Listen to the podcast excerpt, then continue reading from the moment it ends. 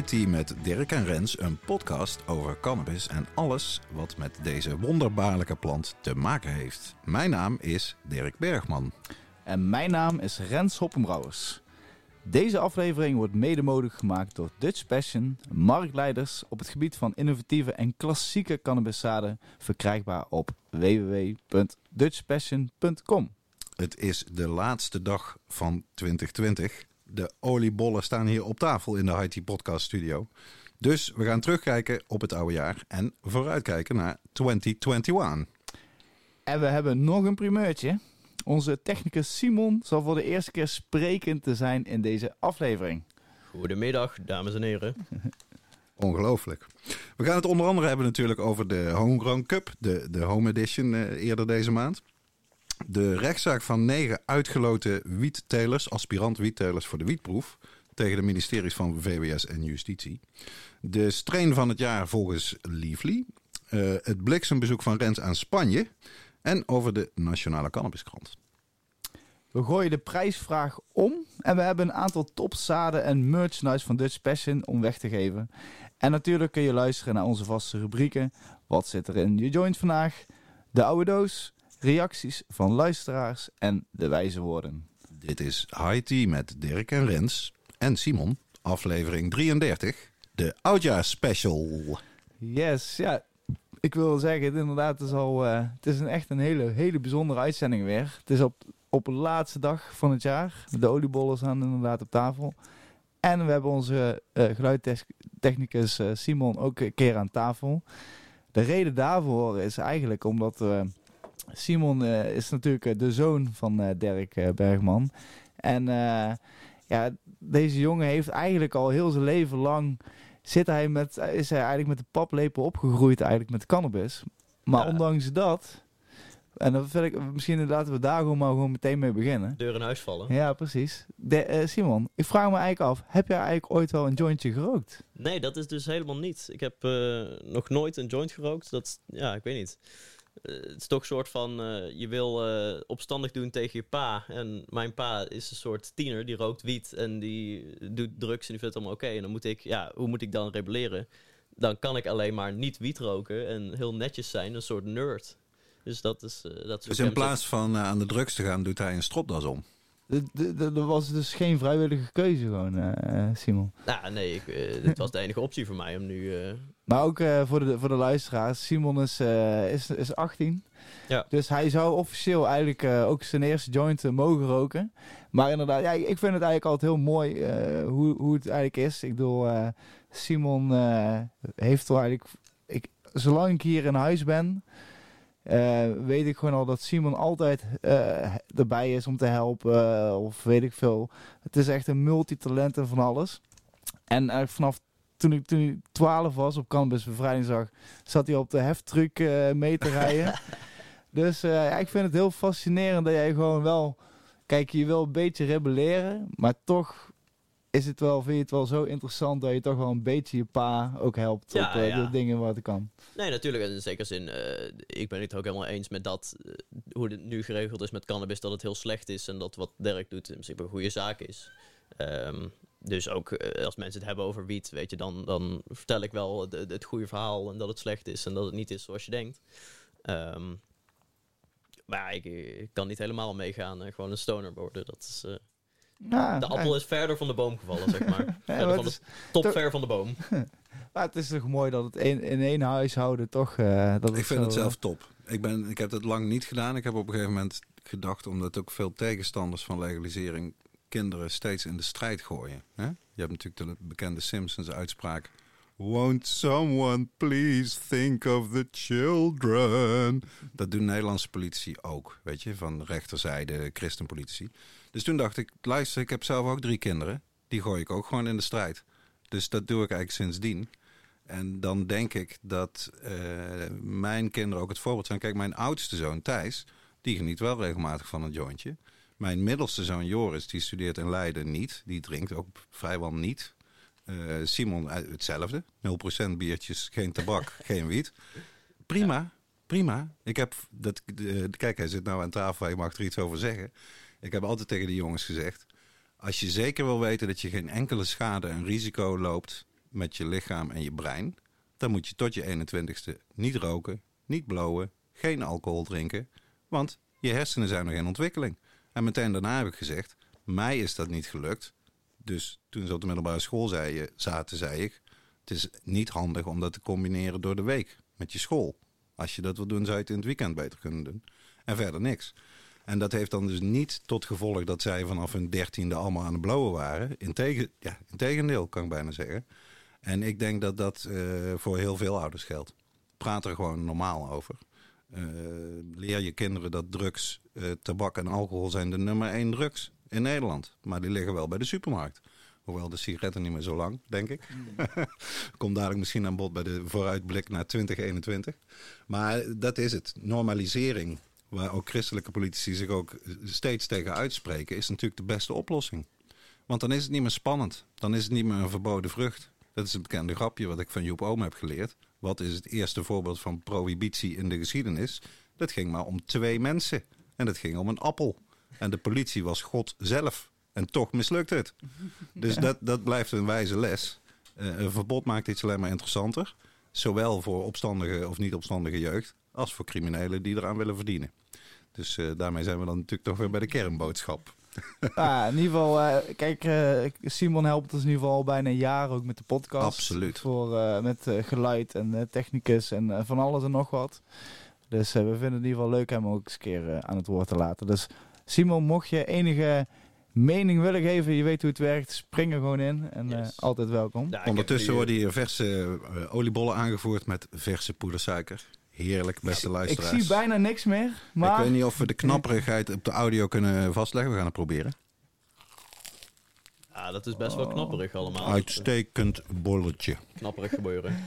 Maar ja, um... laten we beginnen met de eerste rubriek. En het is niet wat er in je oliebol uh, zit. maar laten we gewoon beginnen met uh, wat zit er in je joint vandaag. En uh, ik weet dat Simon is niet bloot. dus, maar ik zie wel iets anders lekkers voor hem staan. Simon, wat nuttig jij tijdens deze podcast? Nou, ik zal even wachten. Even voor de, voor de mensen die het heel belangrijk vinden, even toch die jingle er doorheen gooien. Dit is een mooie jingle. Wat zit er in jouw joint vandaag? Nou, we hebben dat in ieder geval gehad. En uh, ja, de joint dus niet. Daar, uh, daar gebeurt niet. Maar ik krijg hier van Rens een uh, heel lekker chocomelletje.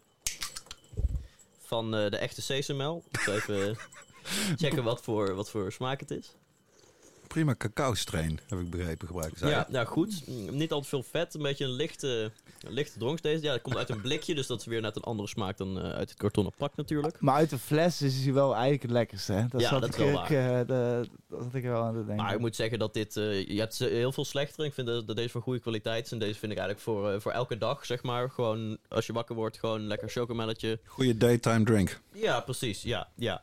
Nee, precies. Straight from the can, mensen. Maar wake en uh, chocomelletje. Snap je? Hij is helemaal goud. Dirk, wat zit er uh, eigenlijk in jouw uh, jointje vandaag? Nou, uh, met dank aan de Homegrown Cup, waar we dadelijk nog even uitgebreider over gaan hebben, heb ik nog wat delen van samples over. Want ik was gevraagd om VIP-judge te zijn van de Sativa de Lucky Bastards. categorie. Erg fijn, indoor. Dus ik heb uh, uit die categorie uh, ben ik nu aan het roken de Skywalker Haze van Dutch Passion Seeds. Nota bene. Ik denk, nou ja, is wel passend. Uh, derde plaats is die geworden bij Haze Indoor. Ja, het topje. Het is jammer dat we geen camera erbij hebben. Het, is, het ziet er prachtig uit. Het is echt heel goed gekweekt ook en heel erg goed geknipt. En een lekkere haze met een wat bijzonderder aroma en smaak dan de gekende Amnesia of richting Silver of Lemon. Dus ik vind het moeilijk te omschrijven. Ik, misschien dat ik naarmate ik die joint verder heb opgerookt daar nog wat zinnigers over kan zeggen. Maar uh, tot nu toe word ik erg vrolijk van, van, uh, van die wiet. En ik was al vrolijk. Dus uh, dat gaat lekker. Plus en jij, Rens, wat zit er bij jou in vandaag? Nou, we, gaan, we gaan het straks over hebben. Maar op de terugweg vanuit Spanje heb ik een pitstop gemaakt in Noord-Frankrijk. bij de huizen La Chanvriere. Oké. Als ik het goed zeg. Maar mijn Frans is ook niet Automaten. Chanvrière. Chanvrière. Ja. Zou ook kunnen. Dat zou eh, misschien een betere eh, verwoording zijn. Maar toen ik daar aankwam, eh, en deze, deze persoon is ook een, een deelnemer van de Homegrown Cup. Al heeft, dat doet al sinds 2018 doet hij mee, geloof ik. En enorm, enorm goede kweker. En dat liet ook zien in de afgelopen cup. Daar heeft hij vier prijzen gewonnen. Een aantal eerste plekken, een derde plek geloof ik. En nog eentje. En ik, eh, omdat ik toch ongeveer langs zijn huis kwam eh, op de terugweg, eh, zei hij van nou als je wil kun je die prijzen hier droppen. Kun je hier ook nog overnachten. Nice. En dat scheelde eno- enorm dat ik natuurlijk in mijn eentje terug moest rijden. En toen ik daar aankwam, stond, kreeg ik meteen een, een tasje overhandigd. En eh, dat was dus een eh goodiebag van, eh, van hemzelf. Met, Eindelijk was het een keer omgekeerd. ja, Meestal ben jij degene die de tasjes uitdeelt. Ja, dat was fantastisch. Zat, zat er drie soorten wiet zat erin. Zat, er zat een, een, een, een, een, gram- of een stukje hash zat erbij. Een voorgedraaide pure joint. wat stickers. En ook nog een echt een homemade, zelfgemaakt zakmesje. Of een mesje. Oké. Helemaal in een leer dingetje. En echt prachtig gemaakt. En je ziet, deze, deze meneer die, die, die woont op een klein boerderijtje. Alles, alles heeft hij, of doet hij zelf. Van, eh, dus, eh, van Het is maar goed dat jij zelf niet jureert voor de Homegrown Cup. Anders zou dit natuurlijk absoluut poging tot omkoping van de jury eh, inhouden. Dat, eh, dat zeker, ja. En dit is ook eh, het heerlijke aan onze cup. Omdat wij Ja. gewoon niet omkoopbaar zijn. Hmm. En het is al een keer gevraagd. Maar ja, kijk, eh, de mensen die meedoen, die jureren zelf. Precies. Wij zijn puur de do- doorgevers. En, eh, De deelnemers zijn de juryleden. Ja. Dat is eigenlijk eh, het- en daar het kunnen wij, van het niks, concept. kunnen wij niks aan wijzigen. En dat zie je bij andere cups natuurlijk wel vaak. Maar in ieder geval, om het verhaal een beetje af te coherent te houden. Wat heeft hij je meegegeven Eén voor vandaag? dacht ik, die wil ik zeker roken tijdens deze podcast. En dat is de Shits Fire. En dat is een naam, ik dacht, wauw, dat is, eh, die moet ik ook even opzoeken. Het komt van de Crane City Cannabis, dat is de breeder. En het is een unieke Skittles strain. En de kruising daarvan is, let op, even, dit is even eh, een mond vol. De kruising is de shit. En dat is weer Skittles keer een un- unknown strain. Eh, en de Fire as Fuck. Dat is weer de Gelato. gelato eh, vier- eh, 45 keer de Jet Fuel Gelato. Keer Fake as Fuck. En dat stond er niet bij wat dat was. Maar in ieder geval wilde eh, candy eh, Skittles eh, smaak. Met, ook- Skittles Turbs. Met ook wel een beetje een OG koes. Een beetje Mhm. gassy. Het, is, het is echt een buitengewoon bijzonder eh, soortje. Hij ziet er ook super, super uit. ja, het mooi is potje. echt... En een heel mooi topje. Precies. Eh, dus, Very eh, nice. ik, eh, ik ga er heerlijk van genieten. Nog bedankt, eh La. En we gaan naar de volgende rubriek.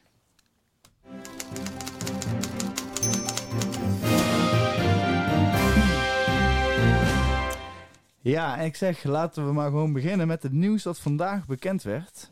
Negen telers die zijn uitgeloot voor de wietproef hebben een kort geding uitgeloot hebben voor de wietproef hebben een kort geding aangespannen tegen de ministeries van Volksgezondheid en Justitie over de wietproef. Ja, klopt. Ze zijn, Eh. het, eh, ze zijn het volgens mij niet eens met de manier waarop de loting is gegaan. Ja, het zijn inderdaad negen telers. Eh, veel media bracht vanmorgen dat nieuws op Oudjaarsdag. Wel interessant. Radio 1 Journaal had onder andere de advocaat Errol Opering, heet deze man, advocaat bij Advocaten van Oranje. En die zegt, er zijn nu partijen waarschijnlijk wel ingelood die geen kundige en fatsoenlijke telers zijn. En dat is kwalijk, want met dit soort project is het van belang dat er goede kwaliteit wordt geleverd. Dat is goed voor de slagingskans. Daar heeft hij natuurlijk gelijk in, hè, in het laatste. Maar ik vroeg me af, jij hebt natuurlijk zelf hè, met Verties, eh, waar je bij betrokken was van het begin, eh, meegelood. En bent ook uitgelood. Hoe kijk jij nou aan tegen dit, eh, ja, dit kort geding? Nou ja, kijk, ik zal, ik zal ten eerste zeggen, wij zijn niet een van die negen eh, telers die dus die rechtszaken. Wij hebben uiteindelijk gedacht van, nou ja, helaas pindakaas. Eh, zo is het eenmaal gegaan. Alleen natuurlijk kan ik wel, wil ik wel één ding eh, opmerken. Dat het natuurlijk het feit dat ze eigenlijk niet naar de inhoud hebben gekeken van de plannen. omdat ze daar misschien niet de kennis ook over hadden. Maar ze hebben eigenlijk alleen maar gekeken naar... Heb je een locatie, wat ook nog soms dus dis- dis- discutabel was. Heb jij eh, een burgemeester achter je? En heb je überhaupt gewoon alle vragen wel ingevuld? Maar als je bij al die vragen ingevuld, als je er gewoon bla bla bla, Mhm. had getypt, dan had- je net zoveel kans gehad om ingelood. En dat, dat is wel een dingetje wat ik kwalijk vind omdat wij... Wij zijn er vijf weken, dat was de, de tijd die we maar kregen, Mhm. zijn we echt non-stop ermee bezig geweest. We hebben een, een dossier van 600 pagina's ingeleverd. Zo.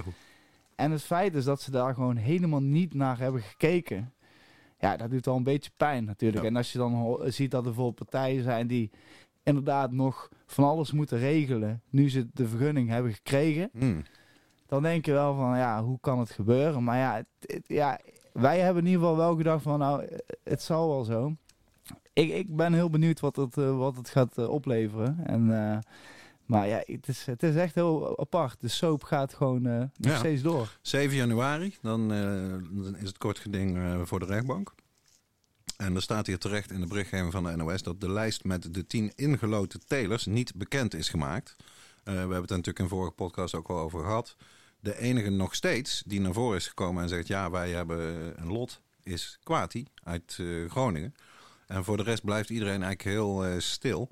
Ik hoorde deze week wel van een van mijn contacten dat een van de ingeloten telers die nog niet bekend was tot nu toe, dat blijken twee apothekers te zijn. dat is interessant, want die hebben dus ook een, eh, wat dan heet, een magisteriële eh, vergunning. Of in ieder geval mogen zij allerlei medicijnen bereiden. Dat mag je namelijk als apotheker. Dus die combi die zou wel eens interessant kunnen zijn. Maar het blijft voorlopig eh, ja, eigenlijk gissen en speculeren. Wie is er nou ingelood? We weten dat er meerdere buitenlandse partijen zijn ingelood. Zou heel interessant kunnen zijn in theorie. Maar we wachten ook nog op de Bebop-screening. Want daar gaan ze nu allemaal doorheen. Dat zou in theorie kunnen betekenen dat de een of meerdere van de ingeloten telers toch weer afvallen. Dan komen dus de nummers 11 tot en met zoveel aan de beurt. En op nummer 11 staat zoals we weten John en Ines uit Bierum. Ja. Voor wie wij eh, hartelijk eh, Ja, dat supporteren. ja, want eh, ja, die, van horen, harte. die horen erin, zeg Ja. maar. Vind ik ook. Maar- Ik, eh, Maar ehm, wat je zegt over die magistrele eh, vergunningen, wat het is, Mhm.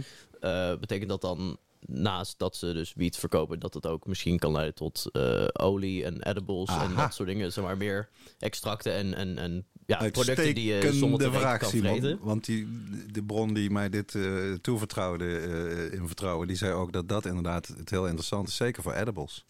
Zeker inderdaad voor olie. En dat wordt interessant, want dan kan je je echt onderscheiden. Dat hebben wij natuurlijk met VOC ook steeds gezegd over die wietproef.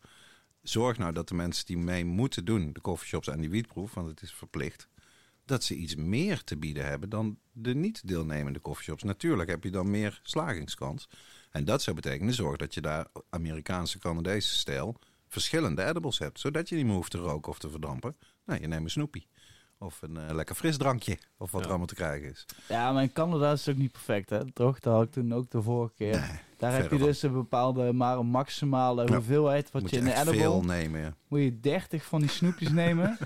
Die allemaal per se los verpa- verpakt moeten zitten, dubbel verpakt.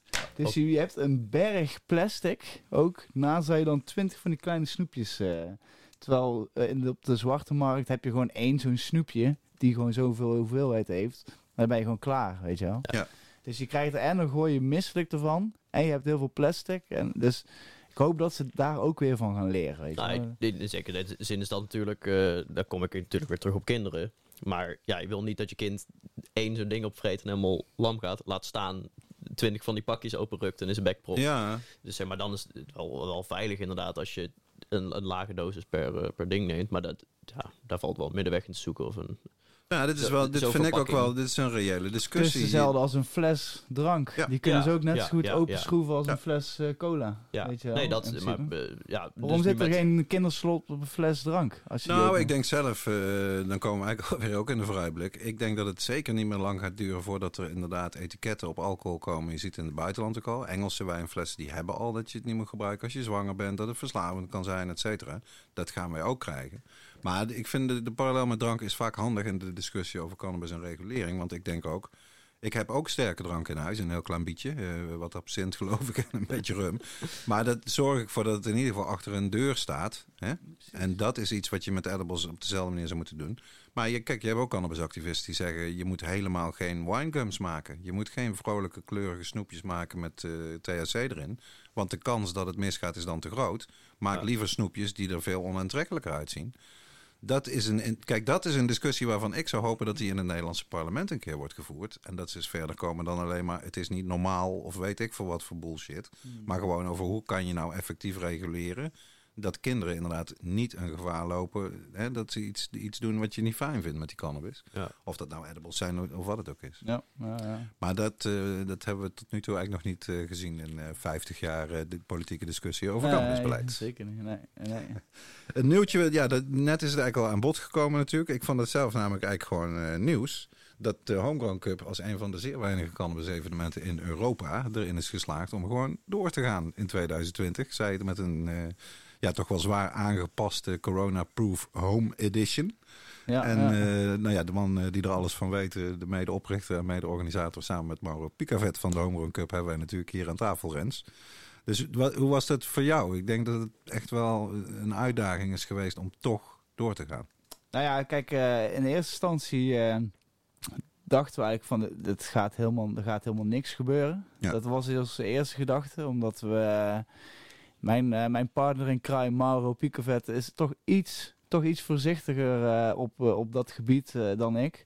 En ik, ik, ik, ik wilde echt per se nog wel iets doen, omdat ik toch merkte van, joh, als we gewoon helemaal niks doen, dan bloeit het daar allemaal dood. Of, Ja.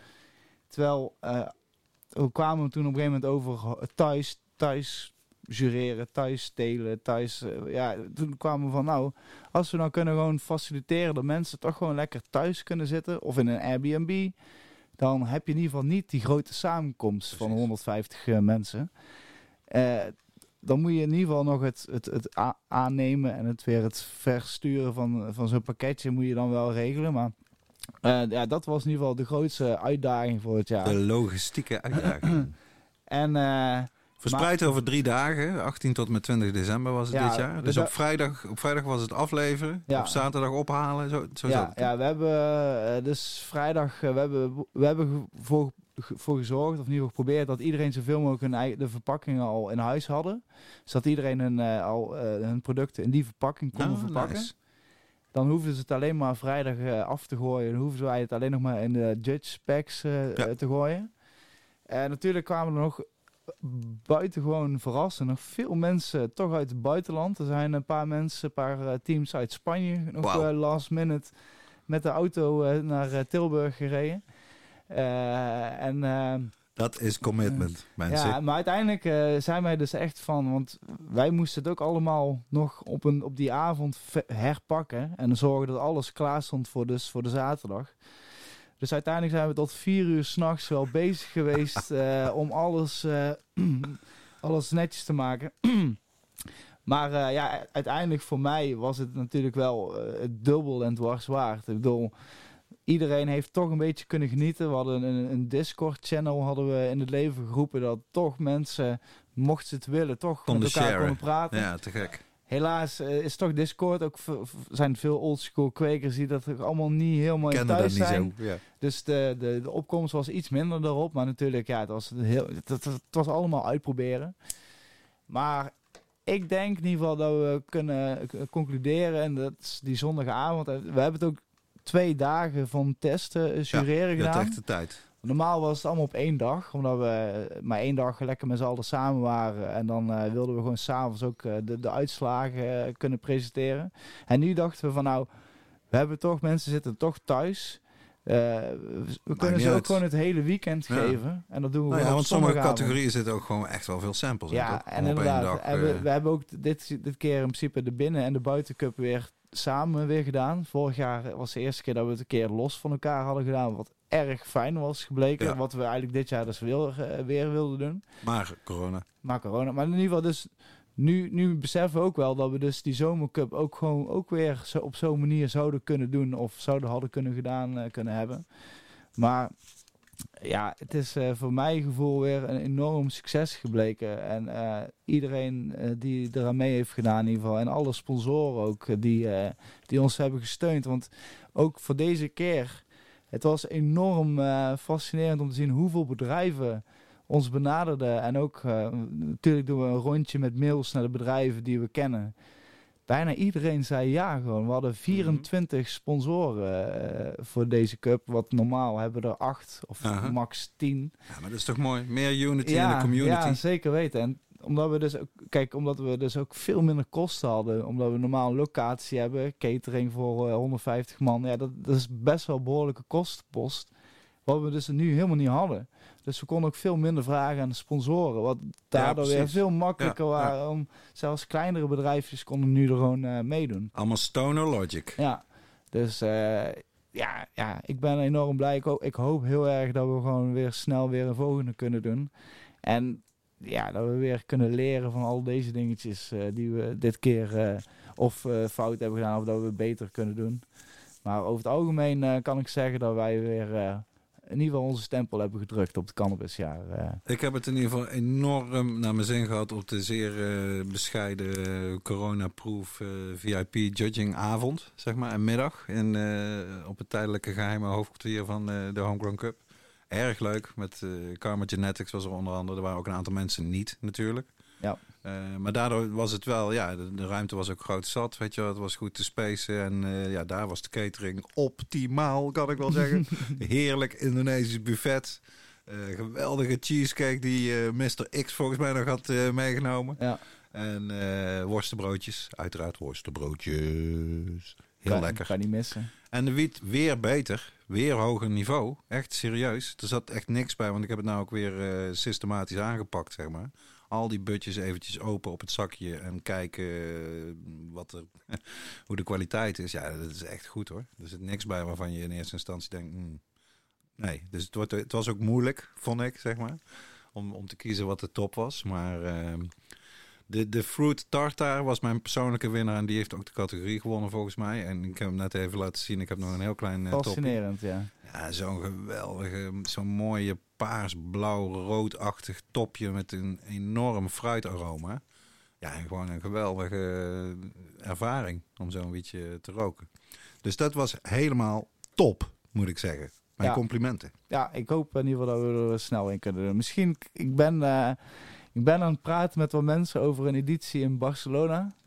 Eh, mijn collega Mauro is daar Count iets minder, me eh, eh, iets meer eh, voorzichtig over. Jawel, doe het. Maar ik heb de vrijheid gekregen om het om in ieder geval te gaan onderzoeken of dat er mogelijkheden zijn. Maar voor mijn gevoel, we krijgen best wel veel deelnemers uit Spanje die heel veel moeite moeten doen om hun producten hier Ja, man. Nederland te krijgen. Maak het hun een keer makkelijk. Ja, ik denk dat het veel makkelijker is voor ons om gewoon de bokalen mee naar Spanje te nemen. Hey, en dan kunnen we gewoon tijdens het jureren zwemmen. Ja, en toch gewoon de gedachte inderdaad dat je in een mooie tuin met palmbomen, een zwembad, een cocktail in je ene handje. Oh, man. De geur van de barbecue die al aan het bakken is met Vermengd lekkere- met Skittles, Turps. Oh, snap je? Dus, nou ja, dus daarom zou ik het graag willen doen. Dus eh, als, je, als je een bedrijf bent en je denkt, zo, dat zou ik graag mee willen doen. Nou, dan kun je Even ieder naar eh, eh, www.homegrowncup.nl Waar je eh, toch ook alle winnaars eh, kan zien van deze ja, we gaan, eh, we gaan weer van elke eh, deelnemer ook foto's maken. En dan, eh, die komen ook op onze Instagram. Dus eh, volg onze Instagram, eh is @homegrowncup. En eh, ja, inderdaad, eh, laten we eh, hopen dat er weer een volgende cup komt. Ik denk het toch wel. Ik Meer zei- nieuws. Meer nieuws. Leafly's Strain of the Year wilde ik het toch eventjes over hebben. Leafly, eh, de gekende website die zichzelf portretteert als The World's Cannabis Information Resource. En dat ook eh, best wel waar maakt. Hun eh, Strain of the Year dat doen ze nu een paar jaar. En het interessante daarin is dat zij natuurlijk heel veel data hebben om dat op te baseren. Want ze kunnen kijken waar searchen mensen op, op Leafly. Maar ze kunnen ook kijken bij alle dispensaries waar ze mee samenwerken. Wat wordt daadwerkelijk veel verkocht? Waar is veel vraag naar? Dus dat is meer dan zomaar eh, een paar journalisten die samenkomen en zeggen: hey, dit is wel een hip soortje. het is echt ergens op gebaseerd. En de winnaar van dit jaar, of de strain of the year van dit jaar, is Runs. Eh, wat, was jij verbaasd toen je dat hoorde, Rens? Nou, niet echt. Niet echt. Voor mij is het inderdaad persoonlijk eh, wereldwijd. Als, dan, dan moet ik natuurlijk aan de Skittles denken. Die, die wint op dit moment bijna alle clubs. Welke Fino of welke kruising daarvan ook. En ja, de, de, de runs is gewoon de, de perfecte creatie van de Skittles gekruist met de Gelato 41. Ja. En dat, ja, ik heb hem twee jaar geleden voor de eerste keer mogen eh, proeven in de, de, eh, de Plug in, eh, in Uh-huh. Barcelona. En ja, buiten gewoon, het smaakt echt als een snoepje. Ja. Toch een beetje dat eh, cookie creamy smaak met dan toch die zoete eh Skittles turps erachteraan. Ja, dat is gewoon wat je wil. Dat is gewoon wat je altijd wil roken. En, dat is, en de reden denk ik dat het ook veel gezocht wordt, is omdat het gewoon... Er gaan heel veel fake runs in Ja, de- ja, ja, ja. Iedereen zegt dat hij de runs heeft of, eh, of er wordt een eigen... Ik heb hem zelf ook in Nederland wel gezien van iemand. Die zei, kijk, hier is hij. Dit is echte runs. Nou, dat was inderdaad een heel bijzondere wiet. Maar of die de echte, echte, ja, dat weet ik veel. Blijf fascinerend, hè? je weet het nooit. hè? Maar de, de omschrijving die Leafly zelf geeft van de runs, die vond ik te mooi om niet even helemaal eh, te citeren. Die heb ik overgenomen in onze call sheet. Luister goed. Zo omschrijven zij eh, deze wietsoort runs met een Z. This bountiful giggle bush is coated with delicate fields of sugar. It looks like it could beat you in a fight and then steal your wife. And it smells like an Oompa Loompas dump hole. Folks, this is the type of green bud you take home to mama for Saturday night dinner. nou, dat vind ik ook wel weer een nieuw hoogtepunt in de beschrijving van, eh, van wietsoorten, waar ik, Ik zelf ook enige ervaring mee heb. Ik zou het niet beter gekund hebben. Gewoon, eh. Dat is wel grappig. hè? ja, dat is echt geniaal. Maar eh, ja, het is een heerlijk soortje. Ik kan er niks over zeggen in ieder geval. Nou ja, we hadden het voor de uitzending al eventjes over wat zou eigenlijk onze persoonlijke strain van het jaar zijn voor Nederland. Of de Nederlandse strain van het jaar. Of de Haiti podcast strain van het jaar. Ik vind het zelf eigenlijk heel moeilijk. Want man, ik heb een hoop wiet gerookt in 2020. Dat kan ik wel zeggen. Ja. Van de High Life Cup, van de Homegrown Cup, van een hoop kwekers die langskomen. Mijn eigen wiet. Eh, misschien is eigenlijk mijn eigen Leda Sour van Karma Genetics. Die een waanzinnig resultaat gaf gewoon op mijn balkon. Is dat voor mij eigenlijk mijn, mijn wiet van 2020. Maar inderdaad, die, die, die paarsige soortjes, weet je wel. Vorig jaar was Strain of the Year van Leafly eh, Wedding Cake. Nou, ik weet inderdaad die London Pound Cake die bij de High Life Cup hoge ogen heeft gegooid. Die komt van eh, Greenhouse Secret Farmers in Den Haag, geloof ik. Ja. ja, dat is wel even next level wiet, man. En daarvan denk ik, ja, hier in Eindhoven, met alle respect voor de coffeeshop ondernemers hier, als ik zeg maar, zelfs al heb ik geld te besteden, eh, zo'n soort wietje wil kopen, topkwaliteit, iets bijzonders, ik kan het hier niet kopen. Eh, dat is wel jammer. Ja. Ja, ik heb er ook eens over nagedacht van wat zou nou voor mij eigenlijk het soortje Ja. van het jaar zijn die Wat ik is eigenlijk... het beste wat je gerookt Nou hebt, ja, kijk, het beste, ik vind vooral het soortje wat mij, wat het hele jaar wel terug is gekomen en wat ik elke keer, elke keer als ik het kon roken, dat ik dacht, yes, wauw, het is zo... Hier is het. Ja, en dat is denk ik wel toch wel de sweets. Oké. En, en dan eh, de sweets is de, de guava gelato gekruist met, en dus de guava gelato is echt de, de Amerikaanse cut, Aha. gekruist met de sour diesel van Karma Genetics. Wat een enorme brede smaakpalet oplevert. En hij heeft, eh, er heeft iemand eh, heeft zijn soort of zijn de sweets eh, best wel breed ge- uitgezet. En je zag gewoon dat e- elke fino weer een andere smaak had. Ja, dat is cool. En Ja. zodoende gaf gewoon bijna elke soort nieuwe sweets was weer een nieuwe ervaring, weet je. En, en elke keer weer verrassend en heel erg smaakvol. Dus eh, nou, ik denk dat ik in ieder geval de sweets als, als, als mijn persoonlijke kies. En dan als ik dan eh, eh, de echt tot de details moet gaan, dan zou ik de nummer 29. de nummer 29 van de Club 69. Dat is wel echt de allerlekkerste sweets die ik ooit In heb. eh, Maastricht. ja, ik, die, die is er maar heel, heel af en toe. Wordt altijd, die wordt door iemand echt zelf gemaakt. Hele kleine batches. En als je die weet te vinden, dan heb je echt iets speciaals. Ja, als we dan toch aan het name droppen zijn, dan wil ik ook wel even een shout-outje doen naar Anytime in eh, Alkmaar. Want altijd als ik Ricardo zie, en dat is eh, af en toe, dan die kerel die heeft zo'n goede koers. Ik weet niet of hij hem Anytime koers noemt of eh, nou in ieder geval zijn huisbrand koers. Fantastisch. En ik ken ook niemand die betere pure joints draait dan Ricardo. Dus dat, die, zou ik elk jaar wel als mijn, gewoon die koers van, van Ricardo, zeg maar. Die kan altijd in de top drie. En eh, ja, het, is, het blijft wel. Ik vind in Nederland zou het toch mooi zijn als we los van de cups die er al zijn. Als we eenzelfde soort impactvolle eh, verkiezingen zouden kunnen hebben. zoals het in Amerika en Canada gaat. Ja. De, dat, dat ook echt in de krant komt te staan. van dit is de strain van het jaar van Nederland. Weet je wel, waarom niet? Het is een geweldige bedrijfstak. Hè? Toch? En een geweldig tuinbouwproduct waar we het over hebben. Zeker weten, zeker weten. Nou, misschien iets dat, eh, dat uit het experiment nog wel kan komen. Dat als het gewoon allemaal nice wordt en er worden goede soortjes gekweekt door goede mensen, dat het dan ook meer inderdaad, eh, zoals je in de krant ook een, een wijncategorie hebt of weet je dan ook, Ja, een, een wijnrecensent, dat je dan gewoon... Ik zit ze via de Twitter al te teasen hoor, met de VOC Nederland eh, account, het VOC Nederland. Dat met name een krant als NRC, eh, verder alle, alle complimenten voor die krant. Maar die komen inderdaad met bijlagen. Het gaat alleen over wijn. Dat is gewoon 16 bladzijden alleen maar over wijn. Ja, Nou, ik zou zeggen, maak er een keer vier over eh, cannabis, Ja. edibles, eh, verdampers, eh, CBD-olieproducten. Er is genoeg, hè? Ja. ja. Maar dat gaan we denk ik in de toekomst allemaal wel, eh, wel meemaken. Moeten we gewoon nog eventjes op wachten. Ik zeg over naar het laatste nieuwsitem van deze nieuwsrubriek. De Nationale Cannabiskrant. Ik- En voor de mensen die daar niks, nog niks van hebben gehoord, Dirk, zou je daar iets over kunnen vertellen? Nou ja, dat is toch wel een primeurtje voor de IT-podcast, kan ik zeggen. Eh, het project eh, hebben we misschien al wel eens eerder over gehad in een uitzending. En het zal voor mensen die VOC volgen ook niet nieuw zijn. Eh, toen noemden we het nog een actiekrant. Inmiddels zijn we heel wat verder en weten we dat die krant gaat heten de Nationale Cannabiskrant.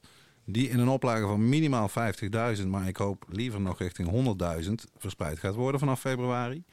Met als een van de belangrijkste doelstellingen om alle cannabisconsumenten van Nederland naar de stembus te krijgen op 17 maart. Omdat wij toch een window of opportunity zien, zoals het dan heet met VOC. Dat als we die mensen naar de stembus krijgen die eigenlijk normaal denken... het is toch één grote bende, het is corrupt, het zijn zakkenvullers... het maakt helemaal niet uit wat ik ga doen. Als die nou een keer wel komen in 2021... dan kunnen wij het verschil bepalen of we zitten met een kabinet met christenpartijen erin...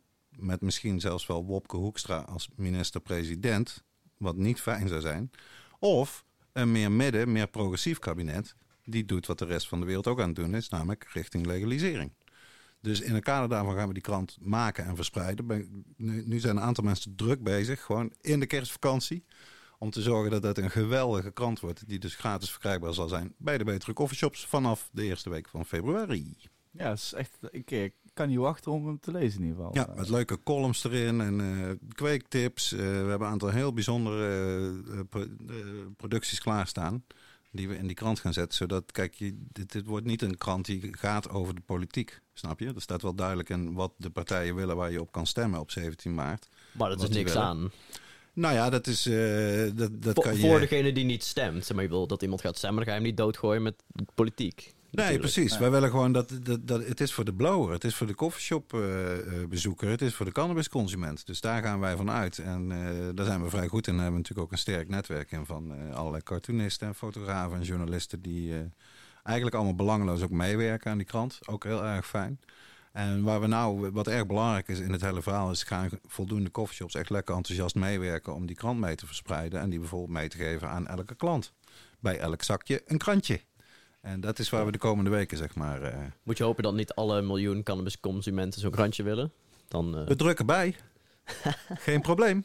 Misschien digitaal te lezen. ja, Ja, precies. absoluut. QR Ja, als we hem bar. hebben, kan zeker. Allemaal Maar de, weet je, er zit een leuke cannabis kruiswoordpuzzel in waar we geweldige prijzen kunnen gaan weggeven.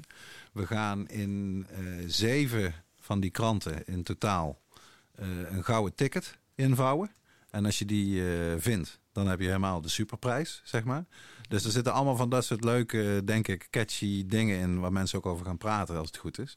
En eh, ook omdat mensen, nou ja, dat hebben we al vaker geconstateerd in de show.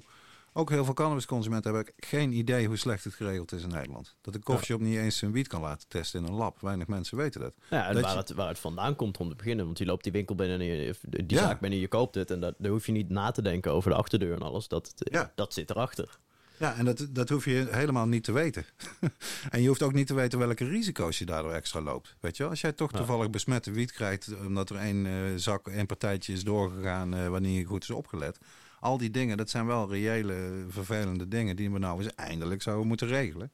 En het is natuurlijk niet zo dat, dat je met verkiezingen in één keer alles oplost. Maar we hebben in het verleden toch wel gezien... het scheelt soms maar 20, 30.000 stemmen... welke partij de grootste wordt en dus minister-president levert. Nou ja, dat is toch wel... Van belang. Dat is wel van belang voor welke kant we opgaan. Want ik ben zo van overtuigd dat het uiteindelijk onvermijdelijk is dat ook Nederland gewoon gaat legaliseren. Maar het kan wel dat het weer wordt uitgesteld, op de lange baan geschoven, noem het allemaal maar op. Dat proberen we te voorkomen met die, eh, met die verkiezingscampagne en met de Nationale Cannabiskrant. Ja, dus voor iedereen die hem in februari wil lezen, vraag je koffieshop ernaar. Vraag of dat ze hem al hebben. En eh, lees hem. Ik zeg eh, tot zover de rubriek Nog iets nieuws. Tijd voor onze terugblik op het cannabisjaar 2020. Ja, voor veel mensen een rampjaar, hè? denk ik toch wel. Zo. Ja, ik denk, ja, het is een heel gek jaar eh, geweest voor iedereen allemaal. Dat eh, laten we daar voorop eh, stellen. Je zei toch niet het woord raar, hè? Of wel? Nou ja, hè? Heb je die Voxpop niet gezien? Nee? Zo grappig. Die is sowieso erg leuk, die jongen. Roel Maalderink heet hij. Op Twitter, maar ook op andere social media doet hij Voxpop. En die is de straat op gegaan en letterlijk iedereen die die aansprak, die zei... Ja, een raar jaar. Ja, een raar jaar. Ja, erg raar. Maar ja, het was natuurlijk ook best raar.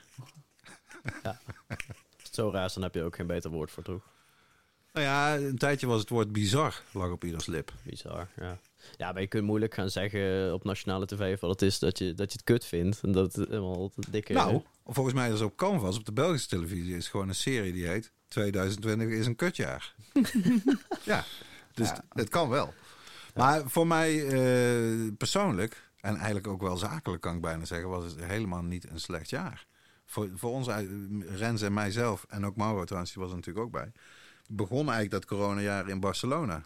Toen Ja. in Nederland nog niemand eh, ja, echt ermee bezig was zaten wij gewoon full-on in de lockdown eh, de laatste dagen. We waren daar natuurlijk voor Spannabis, de grootste wietbeurs van Europa. Die dus, wat was het, een dag tevoren werd Ja. gecanceld. Ja. De eerste Cannabis Social Club waar we binnenstapten, we, waren letterlijk nog niet gaan zitten of er kwam iemand op ons af. hey, weet je dat Spannabis net is gecanceld? Nee, dat wisten we nog niet. maar ja, daarna gewoon lekker wietje halen. En eh, ja, ik heb me daar echt wel bijzonder vermaakt. We hebben ook een leuke podcast opgenomen toen. Ja.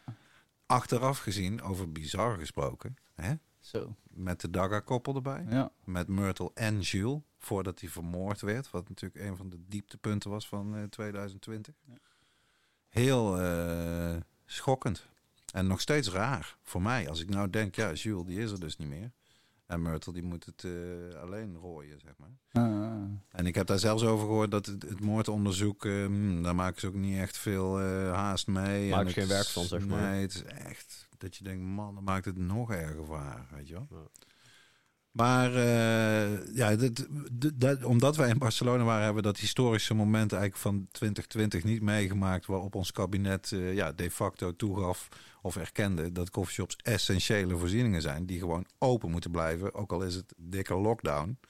En dat vond ik wel. ehm, eh, Jan van Piekeren, de Utrechtse Bob Dylan en eh parttime coffeeshop medewerker bij De Steeg in Woerden. Die heeft een schitterende column geschreven in maart over dat bijzondere moment dat de coffeeshops dicht moesten en de volgende dag ineens niet, niet meer dicht moesten, maar gewoon open mochten voor afhaal. En ik vond het in het kader van deze oudjaarsuitzending wel leuk om daar nog even uit te citeren, want eh he nailed it, die Jan van Piekeren. Toen op 15 maart om half zes werd beslist dat om zes uur alle horeca, inclusief coffeeshops, dicht moesten zijn, kwam ook mijn huur in gevaar, schrijft hij. Hij is immers parttime medewerker bij de coffeeshop. Dat laatste half uur zal ik nooit meer vergeten. Er werd geschiedenis geschreven. De rijen die voor alle coffeeshops in Nederland ontstonden, waren niet te beschrijven. Het leek wel Rusland voor de val van het ijzeren gordijn. Misschien wel een kwart miljoen cannabisliefhebbers waren overal in het land op de been. Om de eerste week quarantaine wat draaglijker te maken. Waaronder ook veel medicinale gebruikers. Maar er gebeurde nog meer. Door allerlei types werden flyers en visitekaartjes uitgedeeld aan de wachtende menigte. Om meteen na zes uur de hele handel de illegaliteit in te sleuren. Eindelijk kon de overheid zien hoeveel verantwoordelijkheid de gemiddelde koffieshophouder al die jaren had genomen om het gedoogbeleid te doen slagen. Met de winkel en de klanten is helemaal niks mis, ook al moet Hans Kazan worden ingevlogen om de voorraad de winkel in te goochelen.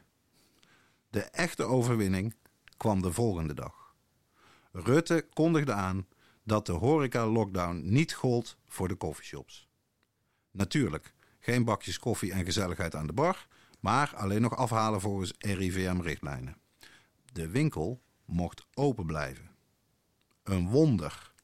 Na bijna 45 jaar strijd voor erkenning is de koffieshop binnen één dag thuis. Niet bij justitie, maar bij volksgezondheid. Niet bij de horeca, die de shops bijna een halve eeuw met de nek hebben aangekeken, maar bij de drogist en de apotheek. 15 maart 2020 zal de geschiedenis ingaan als D-Day voor cannabisregulatie. Onze leiders hebben met eigen ogen gezien dat sluiten nooit meer een optie kan zijn. Einde citaat. Ja, die is wel echt fantastisch uh, verwoord, ja. Ja, en dat is belangrijk voor Nederland. Dus uh, dat was toch echt wel een hoogtepunt van 2020. Ja, en natuurlijk ook uh, het, het vrijkomen van Johan van Laarhoven. Is ook denk ik wel een, een positief dingetje geweest, lichtpuntje. Zeker, in de zomer. En inderdaad ook de serie Cannabis vond ik ook wel uh, een klein lichtpuntje op de tv. Yep. Eindelijk eens een keer een beetje erkenning ook. Uh, en een, een, serieuze documentaire over cannabis. Uh, wat natuurlijk is, kan het altijd beter. Maar natuurlijk, het was een, ik vond het in ieder geval prachtig om naar te kijken. En het was best wel goed, vond ik persoonlijk. Ja, ja. En vooral gewoon ook op de, op de hoofdzenders van de NPO. Het ja. was niet, zeg maar, je hebt wel van Vice en dat soort dingen heb je wel documentaires en al dat. Maar nu ging het echt wel om ja, gewoon om een normale tijd op een zender waar je gewoon, als je je tv aanzet, meteen naartoe zou zeppen. Ja, man. Gewoon in de spotlight, weet je. Echt een miljoenen uh, publiek. Ja. Je zag ook wel op social media hoor, dat echt het overgrote deel van reacties, uh, ik heb er een beetje op gelet natuurlijk, die waren allemaal dat positief naar de serie toe. En ook heel erg van, wat een waanzin. Het verhaal van Valarenhoven natuurlijk, maar überhaupt dat we dit nog steeds na zo lang, bijna 50 jaar, hebben die politici tijd gehad om het beter te regelen. Het is ze niet gelukt. Ja. en nou ja, met die wietproef doen ze dan eindelijk een soort poging die de enige kans van slagen heeft. Maar dat is toch ja, met die rechtszaak. Stel je voor dat ze winnen, die rechtszaak. Dat het allemaal overnieuw moet. Dat we weer terug moeten naar, uh, gaat terug naar start. U, u ontvangt geen 20.000 euro. nou ja, kijk, voor mij is inderdaad ook wel 2020 het jaar van de wietproef geweest. Ik ben uh, gestopt uh, bij de koffieshop om eigenlijk fulltime aan de slag te gaan voor, uh, voor, voor Verties eigenlijk. En uh, uh, daarnaast natuurlijk mijn eigen projectjes nog kunnen doen. En samen met Dirk en samen met Mauro natuurlijk de Cup en de podcast. dus voor mij, voor mij heeft het dit jaar, heb ik echt niet stil gezeten of mm. kunnen zitten. De reden trouwens ook dat ik in Spanje ben geweest ook nog. Want veel mensen zouden zich afvragen... hoe de fuck, hoezo Rens ben jij eigenlijk deze wie, week... Wie gaat er nou met kerstmis even naar Spanje op en neer rijden tijdens de tweede lockdown? Ja, en want dit valt ook wel onder het hoogtepuntje van het jaar uh, voor mij. Nee, kijk, ik kan het uitleggen en kan het allemaal uh, verantwoorden. wacht, wacht, wacht, wacht. ik kan het uitleggen. Precies. Nee, kijk, uh, we kiezen elk jaar uh, voor de Homegrown Cup per categorie een, een, een jury die, uh, die we als VIP vragen. Omdat we dan altijd, we zijn benieuwd naar zijn mening. En het is altijd leuk om eens een, een oude rot in het vak, of in ieder geval een bekende die iedereen kent, toch eens een, op een bepaalde manier mee te laten doen aan de Cup. En dit jaar natuurlijk ook Dirk kiezen we, hebben we gekozen als VIP-jury. Oude rot. Ja, dat is de oude rot van de vak. maar we hebben uh, dit jaar gekozen voor uh, Lorenzo. En Lorenzo is van de Turps Army. Een van de, de denk wel, de, de, de, de betere social clubs van uh, Barcelona. Ja, zeker. En, ehm, en hij is ook wel erg bekend geworden door zijn stijl van debben. Dus het roken van zijn concentraten. En vrij originele en uh, mooie uh, bonks of uh, gla die, glaswerk. Die Debrek die hij bij had bij de Homegrown Cup dit ja, jaar. Ja, oh my god. Ja, het is, het is echt een pure die kunst. Uil. Ja, het is pure ja. kunst. En hij staat enorm bekend om zijn donuts. hij draaide, heeft een tijd lang zijn joints, pure, pure joints aan, van 2 à 3 gram wiet. Plus dan nog een halve gram tot een gram rozen in het midden. En wat je dan dan kreeg is als je op een gegeven moment halverwege die joint bent, omdat die roos in het midden is en die zakt en die verdampt sneller dan de wiet, want dat wordt as, krijg je dus een gat in het midden van je joint. En zo is de donut-hype ontstaan. En eh, mensen, hij, is, hij wordt echt gezien als de donut king. En eh, mensen proberen hem echt te imiteren en dergelijke. Mensen, je kan niet zeggen dat je er niks van opsteekt van deze podcast. hè? Precies. En eh, dus vandaar dat we deze Lorenzo hebben gevraagd om eh, mee te doen eh, met de cup. Legend. Ja, en hij eh, vond het fantastisch. En hij, heeft ook, eh, hij is op een gegeven moment het vliegtuig eh, heeft gepakt en hij is hierheen gekomen. Hij is dus die eh, aantal dagen ook eh, bij mij blijven slapen. En eh, uiteindelijk was het weer tijd om, eh, voor hem om weer terug naar Spanje te gaan. Alleen eh, hij had zich niet helemaal goed ingelicht. Of, hij had de kleine lettertjes niet helemaal goed gelezen. Maar wat eh, nodig was om weer terug te keren eh, met het vliegtuig eh, naar Spanje was een, een bepaalde coronatest. En dat was dan geen sneltest, maar wel echt Een zo'n langzaam test. een officiële zo'n PC... eh, PCP? eh, ja, PCR? PCR-test. En ja, dat betekent dus dat hij dus nog eh, e- eerst die afspraak moest gaan maken, dan nog eh, 48 uur moest wachten en dan weer een nieuwe vlucht moest boeken. Terwijl hij thuis zijn hondjes op hem wachtte en hij had nog wat belangrijkere afspraken. Dus hij belde me in totale paniek van, eh, want ik, ik was echt, ik had hem naar het Schiphol gebracht. Ik kwam thuis, ik heb letterlijk mijn eten had ik in de magnetron gezet, even om op te warmen. En ik, ik zat te eten en ik word gebeld. En eh, hij zegt, eh, nou Rens, dit is het probleem. Zou jij niet toevallig, heb jij niet toevallig tijd en heb je zin om met mij mee te gaan naar Barcelona? Dan krijg jij een gratis vakantie. Kun je bij mij blijven slapen, eh, laat ik je de club zien en eh, hartstikke tof. Dus nou ja, kijk, ik dacht, eh, nou zeker weten, doen we gewoon. eh, weet je, een klein- you can't refuse. kleine service die we ook kunnen bieden als de Homegrown Cup, weet je wel. We je brengt brengen de mensen naar huis. brengen Of ze, nou in, persoonlijk, eh, naar of huis. ze nou in Son en Breugel wonen of in Barcelona. Precies, Nee? kleine moeite. Kleine moeite. Kleine moeite. Dus vandaar dat ik eigenlijk de kerst... Gas op de plank. En, eh, ja, Feliz Navidad. ja, het was fantastisch om een keer mijn kerst in een warm, warm klimaat te kunnen vieren. Heel surrealistisch, maar eh, ja, ontzettend heerlijk. En natuurlijk ook wel is daar een lockdown, dus je moet daar ook gewoon met een mondkapje rondlopen. Maar toch de belevenis en heerlijk daar in, in Barcelona rondlopen. Lekker man. Ja, het was een feestje. Dus ik ben echt letterlijk gisteren, gisteravond thuisgekomen. En eh, vers en eh, klaar voor de podcast weer. eh, dus, eh, Ja. dus ja, dat was wel mijn, mijn, mijn, mijn, mijn, mijn, mijn dieptepuntje. Dat moet ik dan ook wel even erbij vertellen. Was natuurlijk wel, het, was- het zou ook het jaar geweest zijn. Dat is ook mijn dieptepuntje. Ja, het is onze dieptepuntje. Het was, zou eigenlijk het jaar geweest zijn voor Growlands. Daar hebben we echt een jaar of anderhalf echt flink voor lopen werken en boksen. Yep. En op Allemaal voor mo- niks. op Man. Supreme, de corona hits de fan. En eh, ja, dat, dat, ja, het is eh, natuurlijk iedereen heeft daar eh, mee te maken gehad, dus wij ook. En ja, het, is, het is iets, wij hebben het gewoon in de ijskast gezet, omdat we het. Ik vind persoonlijk ook het niet fijn om nou weer te gaan speculeren over een datum waar we het kunnen houden.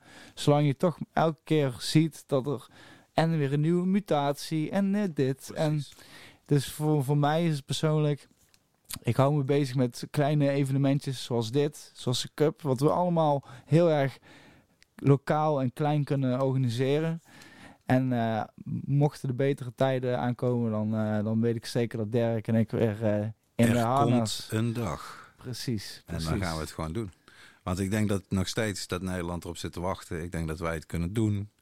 Vanuit de branche zie je dat ze keihard zitten wachten dat iemand het weer gaat doen. Ja. Dus we gaan het weer doen. Maar we gaan het inderdaad doen als het gewoon kan. Zoals het het leukst is. Dat je lekker gewoon bij elkaar kan zijn. En dat je een jointje kan roken. Want Ja. dat is in sommige plekken ook nog steeds een onoverkomelijke eh, horde, blijkbaar. En dat is, in die zin zitten we nu ook nog net in een wat slechter klimaat. Waarvan ik toch denk en hoop dat in de komende 1, 2, 3 jaar. we eindelijk de achterstand een beetje gaan inlopen. En mensen ook weer wat normaler gaan doen over de plant. Ja, wat, was jouw hoogtepuntje van het jaar, eh, Simon? Ja, voor mij nog. Ja, ik, eh, ik, ik zat vorig jaar nog in eh, het laatste jaar van de middelbare school. Dus ehm, ja, ik, ik zou in principe eh, examen gedaan hebben. Maar dat heb ik dus niet gedaan. Dat was afgelast door corona. Ja. Lost, Lost Generation. Dus in zekere zin, eh, ja, ik zat vanaf, wat is het, 25 maart, had ik gewoon geen reet meer te doen. Eh, dus ik had daar zeven maanden vakantie of zo voor mij. Zo, ja. En, ja, daar, eh, plukte de IT-podcast in ieder geval de vruchten van. Dat, daar kan ik eh, wel uh, Nee, dus ik heb gewoon een, eh een halfjaartje gewoon lekker kunnen freewheelen. Van alles kunnen doen. En eh, fris ben ik begonnen aan een eh, universitaire studie. Was natuurlijk super omwisselen van elke dag om elf uur uit je nest en gefuck uitvoeren tot eh, om half negen moeilijke dingen gaan leren. Maar eh, En dan ook nog via een scherm. dat Niet ja, in een collegezaal of in een leuke werkgroep. Ja, nee, precies. Maar ik denk dus eh, gewoon niet de stress en de moeilijkheden van, de, van het eindexamen. En gewoon eh, helemaal, helemaal vrijheid. En dan zeggen ze, ja, je kunt nog steeds niet zoveel doen als je niet naar buiten meugt. Maar Ja. ja. dagen lijken relaxed. in, in zekere zin verdacht veel op die van mij. De, de inhoud wat op het scherm staat is net iets anders. Maar eh, voor de rest... Ja. Kijk, ik vind het natuurlijk geweldig dat... omdat Simon aan de TU hier in Eindhoven studeert... woont hij nog lekker thuis. En dat vind ik helemaal niet erg. Ik vind het erg eh, leuk. Leuk en handig en gezellig. Voordat we, naar, voordat we naar de oude doos gaan, wil ik jullie ook nog vragen voor een kleine vooruitzichtje. Hm. Hoe je denkt wat 21, eh, een, een, een van de, wat zou een van de belangrijkste nieuwsitem worden van 21? En we Ja, hebben de er groene- niet goed over nagedacht. De Groene Amsterdammer heeft 2021 al uitgeroepen tot het jaar van de verlossing.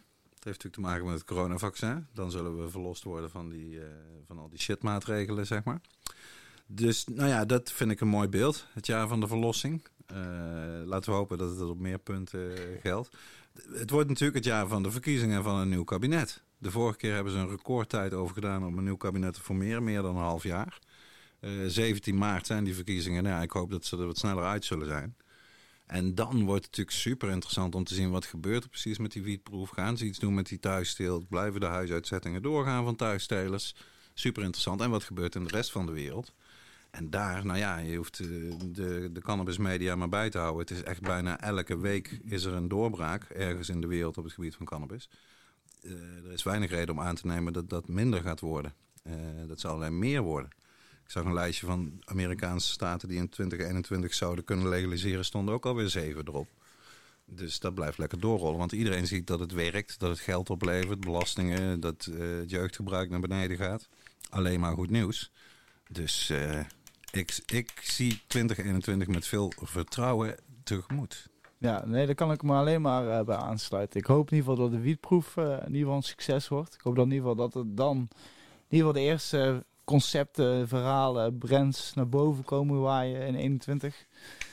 En ik hoop eh, dat we in 21 een heel mooi eh, podcastjaar ook gaan krijgen met ook een paar uitzendingen ook op camera. Daar zijn we nu ook eh, druk voor achter de schermen mee aan bezig. We willen toch ook voor de grap eens één podcast opnemen met camera. Om te kijken wat de luisteraars nou daarvan vinden. Ja. En ook eens te kijken hoe we daar mee om kunnen gaan. Zodat jullie kunnen zien dat we hier echt oliebollen op tafel eh, hebben liggen. En een eh, inmiddels leeg blikje chocomel. En diverse heerlijke wietsoorten. In ieder geval, ja, ik zeg laten we hopen dat 21 een prachtig jaar wordt voor iedereen. Dat we betere tijden krijgen. En ehm, ja, op naar 2021. Ik zeg we gaan naar de laatste of ene laatste rubriek. De oude doos. En wat zit erin dan? Dirk, wat zit er in eh, deze aflevering? Ik kan eh, voor de oude doos eh, op een aantal verschillende bronnen teruggrijpen. Waaronder mijn verzameling boeken over wiet en mijn verzameling boeken van Simon Vinkoog. En eh, vier keer is voorgekomen dat die twee dingen elkaar kruisen. Namelijk dat Vinkoog een boek heeft geschreven of samengesteld over wiet. Eentje daarvan is Het Moederkruid uit 1970, verschenen bij Bert Bakker. Een mooi vierkant eh, boekje, heel slecht gelijmd. De, de bladzijden vallen er snel uit. Is nog te krijgen op boekwinkeltjes.nl onder andere voor bijna geen geld. Heel leuke eh, verzameling van teksten over wiet. En het fragment wat ik gekozen heb komt uit een gesprek tussen Si- Simon Vinkoog en Hans Verhagen. Een dichter die eh, onder andere de PC Hoofdprijs heeft gewonnen. En ehm, dat gesprek is eerder gepubliceerd in het legendarische tijdschrift Hitweek in juli 1967, midden in the Summer of Love. En dat heet De Concrete Vraag. Inmiddels gaat er hier wat vuurwerk op het plein eh, voor de studio af. Het is ten slotte oud, ja. ik hoop niet dat het afleidt. Oké, de concrete vraag. De concrete vraag is nu: wat kunnen we doen? Op deze plaats niet meer dan iedereen die ook gevaar loopt waarschuwen heel voorzichtig te zijn. Niet uncool. Niet naar buiten over praten. Alleen omturnen. Deuren op slot. Nooit meer bij je hebben dan je kunt weggooien. Begrijp dat je in een gedwongen clandestiniteit wordt betrokken. Voortdurend moet je weten wie en waar je bent. Aan de andere kant is het belangrijk om niet paranoïd te worden. Zie niet in iedere voorbijganger een rechercheur, al lijken ze er allemaal op. Maar kijk wel verdomd goed uit. Want al wil jij deze oorlog niet, zij zijn er nu eenmaal mee bezig. Zij zullen verliezen. Ze weten het, maar ze zullen pas over hun lijk toegeven dat ze ongelijk hebben gehad. 1967, mensen. Prachtig. Echt heel, heel mooi. En het erg is dat nu eigenlijk nog steeds geldt dat je nooit meer bij je moet hebben dan nodig, want je kan het altijd afgepakt krijgen door oom agent. Helaas, 2020 nog steeds van, van eh, ja, Als in de jaren 60. ja, Erg, hè? Even kijken, we gaan naar de volgende rubriek. De reacties van de luisteraars. Eén ding is ons opgevallen en dat is dat we sinds, onze, sinds dat we de prijsvragen doen, eh, krijgen we eh, steeds minder reacties eh, dan eerst, dan dat we eigenlijk een vorig concept hanteerden. En, en vandaar dat we eigenlijk besloten hebben om weer terug te gaan naar dat concept. En eigenlijk was het eigenlijk heel simpel. We vroegen elke week of elke aflevering eh, aan de luisteraars om te vragen: stuur, jou, stuur, jou, stuur ons jouw beste idee, ingeving. Eh, eh, nou, ik, Suggestie voor een gast. suggestie Of, eh, voor een special. Of, een vraag of een, een onderwerp wat we moesten behandelen. Iets of, bijzonders wat je zelf hebt meegemaakt. Ja, en Kweekverhaal. vanuit daar kregen we altijd bijzonder veel leuke reacties. En ik denk dat we dat gewoon weer verder moeten zetten. Omdat we, Ja, want dan kozen we altijd gewoon eentje uit wat er was binnengekomen aan al dat soort reacties. En die kreeg de prijs. Dus dat gaan we vanaf deze aflevering 33, beste luisteraars, opnieuw invoeren. Dus we gaan niet meer een vraag aan jullie stellen die je moet beantwoorden. Maar we zeggen gewoon stuur welke reactie die je hebt dan ook. Om het programma leuker te maken. Of eh, nou, je mag het zelf verzinnen, daar komt het op neer. En de leukste, origineelste, grappigste, bijzonderste, whateverste... die eh, wordt beloond met een prijzenpakket van onze sponsor. Dus in dit geval Dutch Passion. En daar zitten in onder andere topklasse zaden van Dutch Passion... maar ook een snapback cap en een doosje erg handige grote vloei met tip... En misschien nog wel wat meer items, weet ik eigenlijk niet. Ja. want- in ieder geval, elke week hebben we andere sponsor. En vanuit Ja, die je zegt sponsor... steeds elke week, maar dat halen Oh, sorry, we niet hoor, elke week. Ja, sorry. Ik zit Elke helemaal, eh, aflevering. elke aflevering. Ja, ik mag ook al geen uitzending zetten. zeg, ik ben zo geregistreerd. En zeg nooit cannabis gebruiken, maar altijd cannabis consumeren. In ieder geval, stuur ons jouw beste dingetje, vraag, mening, suggestie in. En de leukste wordt gekozen. Stuur het naar info.hightpodcast.nl Podcast met een T. Of laat je reactie achter in de comments eh, onder deze aflevering. En je kunt ook het contactformulier invullen op onze website www.hightpodcast.nl Hell to the air. En dan gaan we over naar de aller, allerlaatste rubriek van 2020 Oh man. voordat we weer aan de oliebollen gaan. Dirk Brandlos. Wijze woorden. Ja, de wijze woorden van eh, deze 33e aflevering van de Haiti podcast zijn van de Duits-Amerikaanse psycholoog Erich Fromm met dubbel M. En het is echt een doordenkertje, dus eh, luister goed. Er is geen fenomeen dat zo destructief kan zijn als morele verontwaardiging. Ze maakt wraak acceptabel door het voor te doen als deugd. Ik zal hem nog één keer herhalen, want het is echt een doordenker. Maar een hele goeie, vind ik. Er is geen fenomeen dat zo destructief kan zijn als morele verontwaardiging. Ze maakt wraak acceptabel door het voor te doen als deugd. Ik moest onmiddellijk denken aan de ChristenUnie. En met name dan wel Kamerlid, hoe heet ze, Stineke van der Graaf. Die Nederland drugsvrij wil maken, alle coffeeshops wil sluiten, drugs niet normaal vindt, weet ik voor wat. Die zegt dat het taboe is om te zeggen dat drugs normaal zijn. Weet ik wat voor bullshit allemaal uit dat mondje komt. Eh, en dan vermomd als moreel rechtvaardig.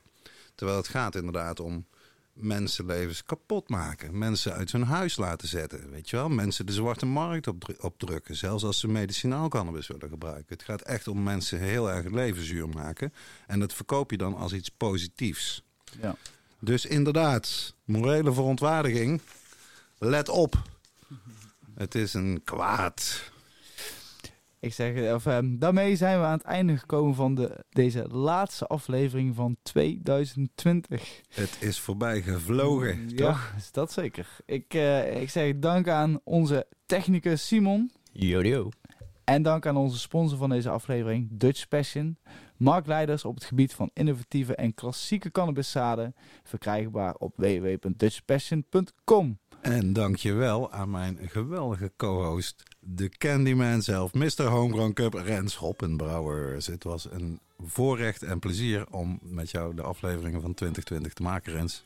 Wederzijds, echt wederzijds. Laten we volgend jaar eh, gewoon weer doorgaan eh, daarmee. Bedankt voor het luisteren en Ja. tot volgend jaar. Fijne jaarwisseling. Houdoe. doei. Houden we.